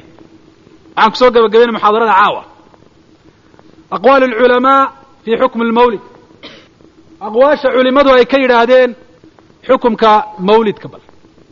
Qowl kastoo saxaabadu ay ka yidhaahdeen ama taabiciintu ama alaa'imatu alarbaca bidcada iyo inay madmuum tahay oo shar iyo dalaal ay tahay waa ku dabaqmaya dee mar hadduu bidco yahay. Aqwaal gaarina waa jirta a'immadu ay ka yidhaahdeen. A'immada bidco ku tilmaantay waxaa ka mid ah abu xabs taajiddiin alfaakihani qarnigii waxa weeyaan toddobaad dabayaaqadiisii culimadii soo gaadhay buu ka mid ah yacani waktiga aad leedihiin waa la bilaabay culimadii waxa weeyaan joogtay ama iyar ka dambaysay buu ka mid ah waxa uu leeyahy sheekhaasi ama bacdu faqad takarara su'aalu jamacati min almubaarakiina can اlijtimaac aladi yacmaluhu bacdu الnaasi fi shahri rabiici اlawal wa yusamuunahu lmawaalid qarnigii toddobaad buu hadlayaa bal u fiirso dabayaaqadiisa waxa uu leeyahay sheekhaasi su'aal baa igu soo noqnoqotay ay weydiinayaan dad fara badan oo khayr badani. Ay iga weydiinayaan ijtimaaca dadka qaarkood ay sameynaya ixtifaalka ay sameeyaan fii shahri rabiici alawal oo mawlid ay u bixiyaan. Hal lahu aslun fi sharci aw huwa bidcatun wa xadathun fi ddiin ma shay waxa weeyaan sharciga asal iyo daliil kulaba mise waa bidca iyo wax diinta waxa weeyaan ku soo dariyey waxa uu leeyahy faqultu wabilahi tawfiiq laa aclamu lihada almawlidi aslan fi kitaabin walaa sunna mawlidka asal iyo daliil uguma ogi kitaabka iyo sunnada toona walaa yunqalu camaluhu can axadi min culamaai lumma ku dhaqankiisana lagama soo reexad culimada ummada ummadda ka mid a aladiina hum alqudwatu fi ddiin almutamasikuuna biaahaari almutaqadimiin kuwa ay tahay in diinta lagaga daydo dadkii hore raadkooda haya bal huwa bidcatun axdathaha albataaluun wa shahwatu nafsin iqtanaa biha alakaaluun waa bidca ay la soo dariyeen buu leehay albataaluun kuwa camal iyo shaqo waaye wa shahwatu nafsin ay hodantinimo iyo xoolo ay ku raadinayaan akaaluun. Waxaanu tilmaamayaa shanta xukum alaxkaam atakliifiya la yidhaahdo. Oo alwujuub iyo altaxriim iyo alkaraaha iyo alibaaxa iyo annad mawlidka haddii loo bandhigo inaan la odhan karin waa waajib. Oo wuxuu leeyahy bilijmaac kuwa ku tilmaamaya inuu mawlidku sharci yahay iyo kuwa kaleba. Way isku waafaqsan inaan waajib ahayn dad juhaalun baa laga yaaba in la yidhahan waa waajib oo qofka samayn waayo u dambaabaya. Laakiin xataa qolooyinka yidhi waa mashruuc waa waajib ma laha. Halka ugu sarraysa ay gaadhsiiyeen waa mustaxab waa sunna bay leeyihiin waajib markaa lama odhan karo buu leeya bilijmaac sunnana lama odhan karo waayo sunnadu waa maxay? Waa waxa shareecadu dadka ay ugu yeedhay weeyaan. Yaanay kuba waajibinbe dee shareecaduna dadka uguma yeedhin arrinta noocana. Lamana odhan karo waa mubaax waayo albidcatu walixdaathu fi ddiin shay mubaaxa maaha bidcadu mubaax iyo shay xalaalo ma noqon karto. Waxaa soo hadhu in la yidhaahdo waa makruh ama waa xaaraan. Marka wuxuu leey labaynu kala qaadaynaayo haddii ninku maalintaa raashin uu iska samaysto oo isagii reerkiisi iyo carruurtiisi iyo dhowr saaxiibadiina uu isaga yeedho durbaanno aanu garaacin raqsi iyo xadro iyo jaasna aanu samaynin. Waa bidca makruuha buu leeyahy haddii waxa weeyaan intaa uu ku daro in dadka la dhex maro bal qarnigu hadlaayo baleeg. Dhawarkeena xoolaa waa siyaaradii nebigeed oo dadkii oo karahsani xoolahooda ay bixiyaan oo isla musiiba idinku dhici doonta. Waa bidca muxarama buu leeyahy sheekhaas raxmat ullaahi calayh. Marka qaabka iyo wejiga la doonayaba ha loo sameeya calaa kulli xaal bidcanimo inaanu ka baxayn ayuu sheekhu tilmaamaya kitaab buu le lahao almawrid fi camali lmawlid. Sheekh cali xasan cabdilxamiid baa taxqiijiyey safxada labaatanaad buu saa ku leeyahy culimo badan baa markaa faakihaani xukumka noocaasiya ku raacdoo ka dambaysay sheekha alcadawi almaaliki la odhan jiray baa ka mid a wuxuu xaashiye ku leeyahy kitaabka la mukhtasar alkhaliil oo fiqiga maalikiga ah. Markuu ka hadlaayo mabxadka wasiyada dardaaranka ayaa wuxuu ka hadlaya alwasiyatu ala ala cala almawlid ashariif hadduu qofku dardaarmo idhaahdo xoolahayga mawliidka ha laga dhigo xukumkeedu muxuu noqonaya oo kitaabkaa u kaga hadlaya. Markaasaa wuxuu leeyahay mashruuc maaha buu leeyahay. Waayo alfaakihani baa wuxuu yihi ina camala almawlidi waa makruh weeyi waxaa kaloo fatwada noocaasiya ku raacay sheekh kale oo la idhaahdo abu cabdillahi moxamed calyash kitaab la idhahdo fatxu lcali fatxu fi lfatwa calaa madhab alimaami malik. Waxaa la weydiiyey nin baa saciisii baa xanuunsaday khuraafo dadka meel walba way la gelaysahay. Dabeetana wuxuu nadr wuu nadro wuxuu yidhi haddii ilaahay sacayga ii shaafiyo sacuna wuu rimayo oo calooshu ilma ku sidaa neefkaa uu dhalayo mawliidkaan qalayaa buu yidhi waan la sugaya. Dabeetana saci baa dhalay oo qaalin buu dhalay weyl buu dhalay. Dabeetana laxajacdaa yaro qabatay oo weyshiibuu waxa weeyaan gawrici waayo u qali waayo maalin maalintii mawliidka. Weyshii baa iska weynaatay. Dabeete sheekha waxaa la weydiiyey maada yalzamu? Ma weyshii oo weynaatay baa laazimku inuu qalo mise mid kalu qalaya muxuu samaynaya? Markaasa wuxu laa yalzamhu shay. Nadarkaasi nadar saxiixa mabahaba de nadru taaca mabahaba waxba waajibkuma aha lianna camala mawlid rasuul laysa manduuban in rasuulka alayh salatu salaam mawlid iyo ixtifaalaad iyo ciida loo sameeya mid sunaa maba aha buu leeyahy sheekhu khusuusan in ishtamala calaa makruh gaar ahaan waxyaabo makruha hadduu koobsado markaasaa waktigiisi uu ka warramaya wuxuu leeyahy waxyaaba makruha baa waktigeenan uu koobsanaya waxaa ka mid a culimada aada uga digtay sheekha la yidhaahdo ibnu lxaaj fii kitaabi almadkhal sida sheekh waxa weyan alansaari uu ku soo roray kitaabkiisa alqowl lfasl la yidhaahdo ee masaladan uu kaga hadlaayo waxaana sheekhaasi uu tirinayaa maxaadiir aad iyo aad u fara badan. Iyo xumaano fara badan oo mawlidkaasi ka dhashay. Dhahiir uddiin jacfar sheekha la idhaha ayaa isaguna la mid a oo tilmaamaya inuu bidco yahay. Moxamed cabdisalaam khadar alqushayri sheekha la idhaha fi sunan walmubtadacaat kitaabkiisa la idhaahdo ayaa isna ku tilmaamay inuu bidco yahay. Sheikhulislaam ibnu taymiya raxmat ullahi calayhi fataawa alkubra iyo majmuucu alfataawa iyo iqtidaau siraat almustaqiim. Intaba wuxuu kaga warramay inaanu inuu bidco yahay oo aanu sunno ahayn. Waxaana hadalladiisa ka mid ah maca ikhtilaafi innaasi fii mawlidi iyadoo dadku ay isku khilaafeen. Goortii rasuulku uu dhashay fa ina hada lam yafcalhu asalaf dadku may may samayn buu leeyahy salafku dadkii hore wanaagsana. Saxaabadiiyo kuwii ka dambeeyey mawlidka may dhigin maca qiyaami almuqtadi wa cadami almaanici minhu. Iyadoo waxa imika dadku ay leeyiin wuu nagu kalifay waktigaaba uu jiray maxaa kuu kalifaya inaad mawlid dhigto? Rasuulkaan jecelahay soo maan weynaynaya oo rasuulka jacaylkiisa iyo weynayntiisa miyaan loo baahnayn? Inta rasuulku uu noolaa miyaan jacaylkiisa iyo weynayntiisu arrin loo baahanya aan ahayn? Oo jida oo sharciya waktigii saxaabadu ay soo gaadheen iyo taabiciintii iyo atbaacdoodii. Waxuu diidayana may jirin ixtifaalka noocaana inay sameeyaan. Haddana way iska dahay inaanu sharci ahayn bay taasi caddaynaysa.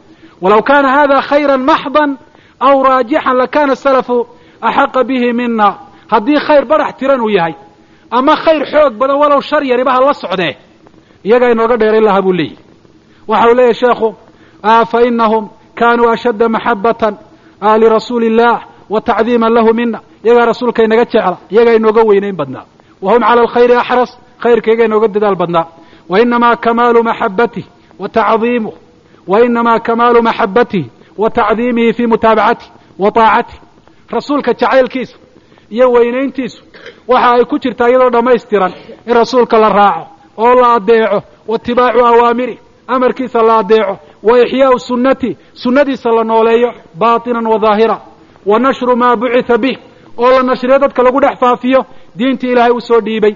Waaljihaad calaa dalika bilqalbi walyadi wallisaan oo sunnada rasuulka lagu jihaado xagga qalbiga xagga gacanta iyo xagga carabkaba fa ina hadihi hiya ariiqatu saabiqiina alawaliin min almuhaajiriina waاlansaar waladiina itabacuuhum biixsaan maxabada rasuulka iyo weynayntiisa waddadaasay u mareen inay raaceen inay sunnadiisii ku daydeen inay sunnadiisii nashriyeen inay rasuulka calayhi salaatu wasalaam sunnadiisii iyo diintiisii ay ku jihaadeen oo dadka ay bareen oo bidaca iyo muxdathaadka ay ka ilaaliyeen sidaasi ay u weyneeyeen inaynu u weyneyno ayaa innagana inala gudboon oo waxa weeyaan mid mashruuca ah ilahay subxana wa tacaala khayrka iyo wanaagga hayna waafajiyo muxaadaradu waxaad mooddaa inay kala bar taagan tahay ama thuluth uu tegey.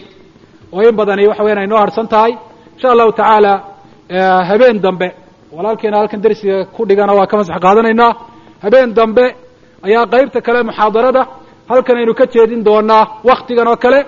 Waana qayb aad iyo aad muhiim u ah. Laba qodob baynu xoogga saari doonaa weliba. Qodobka koowaad waxa uu yahay ama saddex ba dheh. Horta goortii rasuulku dhashay ma laysku waafaqsan yahay goortii rasuulku dhashay. Mal caawana dadkaan sii maqashiiye ma laysku waafaqsan yahay. Culimada taarikhda haddaynu egno waxay leeyihiin layskuma waafaqsana. Kuwa xataa ixtifaalka sameeya laftooda ayaa layskuma waafaqsana. Ibnu katiir wuxuu kaga hadlaya albidaaya wanihaaya alqastalaani kitaabkiisa almawaahib la ydhaha kaga hadlay taarikhu mawlid nabiy alayh isalaatu wasalaam. Kadalika waxa weeyaan aimo kalena sida dahabi oo kale fii siyar aclaami nubala ayuu masalada kaga hadlaya xataa bishuu rasuulku dhashay layskuma waafaqin qole waxay dhahen ramadaan buu dhashay. Qolena waxay dhahen rabiiculawal buu dhashay. Qoladii idhi rabiiculawal buu dhashay. Malaa toban qowl wax ku dhow bay isugu khilaafeen. Maalintii uu ka dhashay. Qaar waxay dhahdeen iyadoo sideed maalmood ay ka tegeen. Qaar iyadoo sideed ay ka harhsan yihiin qaar waxay dhahaan toban maalmood markii ay ka tegeen. Qaar markay labiyo toban ka tegeen. Qaar waxay dhahaan toddobiyo toban markay ahayd. Qaar waxay dhahan markay siddeed iyo toban ahayd. Asalukum su'aal. Haddii maalintaasi ay tahay maalin cibaadaad gaari ay sharci yihiin miyay sidaa u lumi lahayd miyay lumi lahayd? Maalmaha shariicadu ay axkaam gaara ku xidhay. Cibaadaad gaara in la sameeyana ay sharciyaysay ma lumaan maalmaha noocaasi waa maxfuuda. Maalmaha ciid ulfitr iyo ciid uladxa iyo soomka la soomay yowmu carafa iyo kadalika waxa weeyaan muxaram tobankeeda. Maalmahaas o dhami waxa weyaan ma lumaan. Sidooda ayay baaquuyeen lumitaanka maalintan ay luntay. Ee si fiicana loo garan la isku khilaafay waxay culimmadu u daliishadeen inaan maalmaha kale wax allaale waxay dheerta aanay jirin? Xagga cibaadaadka. Oo cibaado gooniyo iyo si gooniyo loo sameeya oo sharci ahi haba yaraatee inaanay jirin. Waxaan tarkiisin doonaa darsiga waxa weeyaan habeen dambe insha allah masalada ku saabsan munkaraat lmawlid munkaraadka ka dhisha ka dhashay mawlidka. In qur'aanka laga fadilay baan sheegi doonaa oo aan soo rari doonaa.